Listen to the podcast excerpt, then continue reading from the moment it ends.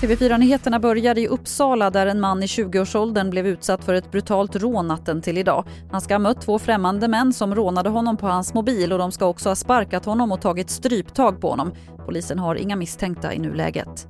Den 27-årige man som anhölls igår efter branden på Lantbruksuniversitetet i skånska Alnarp har tidigare misstänkts för pyromandåd. Det här skriver Sydsvenskan. Mannen satt häktad 2012 misstänkt för fyra bränder i Lomma.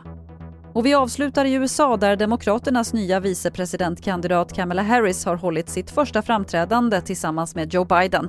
Harris kritiserade president Donald Trump bland annat för hur han hanterat coronapandemin.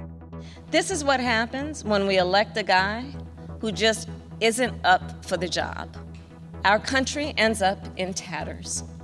Och Trump svarade genast med att Harris är ett dåligt val till vicepresidentkandidat.